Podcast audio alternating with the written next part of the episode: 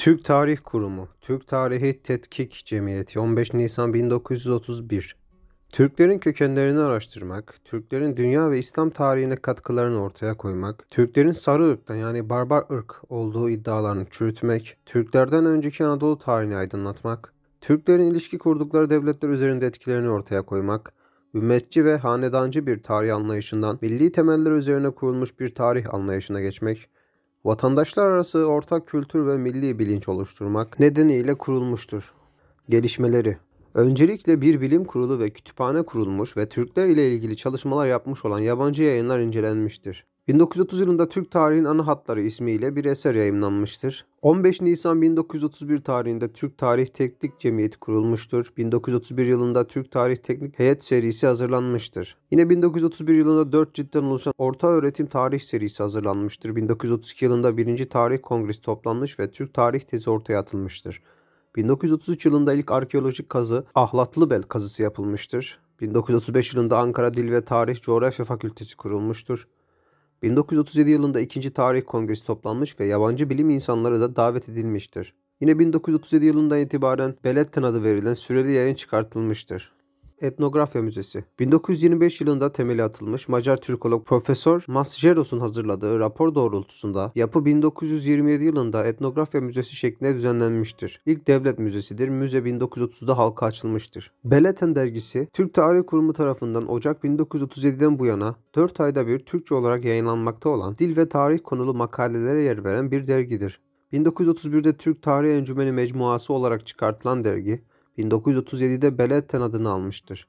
Türkiye'nin en eski dergilerinden biri olan Beletten, Latin alfabesiyle yayınlanan ilk tarih dergisidir. Halk Evleri 19 Şubat 1932 Halk evleri Cumhuriyet'in ilkeleri ve inkılaplarını halka aktarmak amacıyla kurulmuştur. Halk evleri aracılığıyla halkın kültürel yönden gelişimini sağlamak istenmiştir. Halk evlerinin temellerini 1912 yılında kurulan ancak siyasi merkez haline geldiği düşüncesiyle 1931 yılında kapatılan Türk Ocakları oluşturmuştur. Halk evlerinin yayın organı Ülkü dergisidir. 1942 yılında tek yurt dışı şubesi Londra'da açılmıştır. 1951 yılında Adnan Menderes tarafından kapatılmıştır. Halk evlerinin çalışmaları Biçki dikiş kursları düzenlenmiş, yöresel değerleri ön plana çıkartmaya yönelik sergiler açılmıştır. Okuma yazma kursları verilmiştir, genel sağlık kuralları öğretilmiştir. Ailelere soyadı bulma çalışmaları yapılmıştır. Halk evlerinin şubeleri ise dil, edebiyat, tarih, güzel sanatlar, spor, temsil, kütüphane ve neşriyat, sosyal yardım, halk dershaneleri, köycülük, müze ve sergi.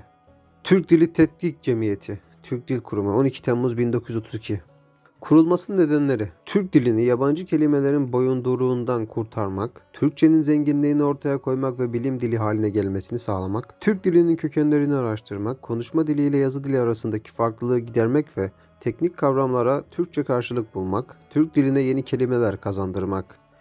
1928 yılında dil ercümeni kurularak araştırmalar başlatılmış ve imla kılavuzu hazırlanmıştır. 1930'lu yıllarda güneş dil teorisi ortaya atılmış. Yine 1932 yılında birinci dil kurultayı toplanmış. 1932 yılından itibaren dil bayramı kabul edilmiş ve kutlanmıştır. 1935 yılında tarama sözcüğünün çalışmalarına başlatılmış, Göktürk yazılı metinleri yayımlanmıştır. Türk Dil Kurumu'nun ilk başkanı Sami Rıfat Yalnızgil'dir. 1936 yılında Türk Dil Tetkik Cemiyeti adı Türk Dil Kurumu olarak değiştirilmiştir. Üniversite Reformu 1933 Modernleşmenin bir parçası olarak görülen üniversitelerle ilgili çalışmalar yapılması amacıyla Mustafa Kemal'in talimatıyla Marif Vekili Reşif Galip tarafından İsveçli Profesör Albert Malke Türkiye'ye davet edilmiş ve rapor hazırlatılmıştır. Raporda fen branşlarının öğretilme oranı artırılması, eskiyen ders verme tekniklerinin değiştirilmesi, Türkçe bilim yayınlarının artırılması, ilmi düşüncenin etkin kılınması konularına değinilmiştir. Albert Malke raporuna bağlı olarak üniversite reformu gerçekleştirilmiş ve Darülfünun kapatılarak yerine İstanbul Üniversitesi açılmıştır.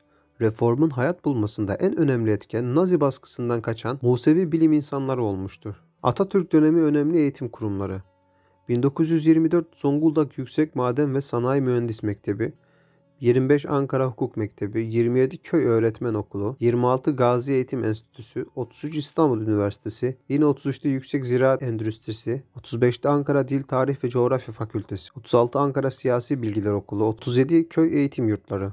John Dewey köy okullarının kurulması hakkında rapor hazırlamıştır. Alexander Kühne meslek okullarının nasıl oluşturulacağına dair rapor hazırlamıştır. Einstein Mustafa Kemal'e yazdığı mektupta bilim insanlarına sahip çıkılmasını rica etmiştir.